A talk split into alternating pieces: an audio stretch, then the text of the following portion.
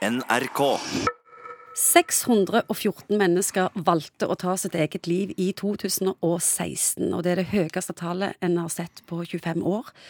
Tallene for i fjor er ikke klare ennå, men det blir neppe lystig lesning det heller, psykolog Egon Hagen. Nå er det dette et område som har trigga mye forskning, og det er veldig mange spennende prosjekter på gang faktisk som er knytta til dette, for å se hvordan kan vi i større grad bli flinkere å forebygge dette. Det er kommet på agendaen. Dette er jo sånn typisk ting som har vært veldig tabubelagt og veldig vanskelig for pårørende, og vi har ikke helt visst hvordan vi skulle adressere det. Nå er det ting på gang der som gjør at vi helt sikkert vil bli flinkere i forhold til dette. Hva er på gang? Det er et forskningsprosjekt knytta til Universitetssykehuset i Stavanger som, som ser spesielt på hvordan kan vi bruke strategier for forebygging for å få ned disse tallene. Vi har fått til litt ganske mye bra i forhold til psykose, eksempel, som er et veldig stort og vanskelig tema. Snakke om ting, mer åpenhet. Og klart at Dette er jo et kjempestort og viktig område i forhold til å få inn mer lys, mer luft, og at folk i større grad tør å snakke om det. For du skal være klar over det at opp til ganske nylig så var det til og med sånn at helsepersonell tenkte at hvis du spurte folk om de hadde tenkt å ta livet sitt, så kunne du øke sannsynligheten for at de gjorde det. Noe som ikke er riktig. Hvorfor har det blitt sånn?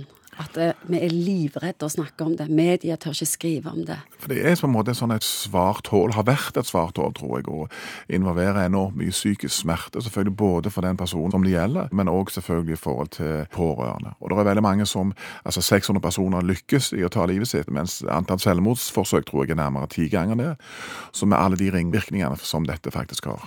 Det å ta sitt eget liv er ei voldsomme greie, og det er tall som ligger jevnt på rundt 600. Er det sånn at det, kommer til å være sånn i framtida òg? At en del av menneskeheten er På- skrudd sammen tror- sånn at ja. de vil Det, det vet vi jo ikke, men nå, nå er det jo sånn at vi tror jo på åpenhet, vi tror på mer informasjon, vi tror på bedre kunnskap blant helsepersonell. Vil, for at mye av dette også er knytta til suicid etter utskriving fra psykiatriske poster.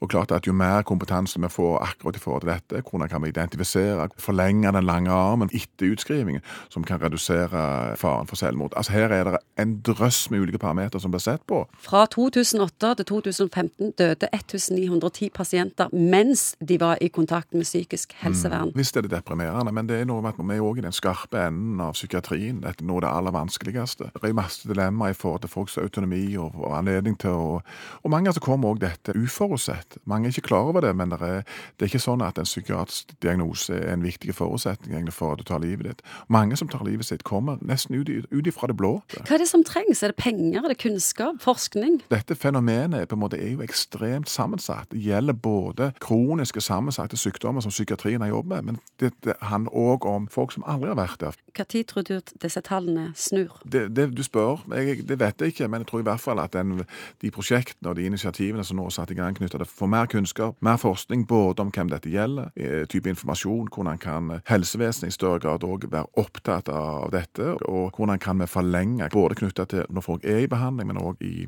ettervernssituasjoner. For, for vi vet at eh, tidligere suicidforsøk òg øker sannsynligheten for framtidige. Altså den sterkeste prediktoren for framtidig atferd er hva som har skjedd tidligere. Sånn at jeg har veldig tro på forskning, og at det er mange spennende ting egentlig på gang der.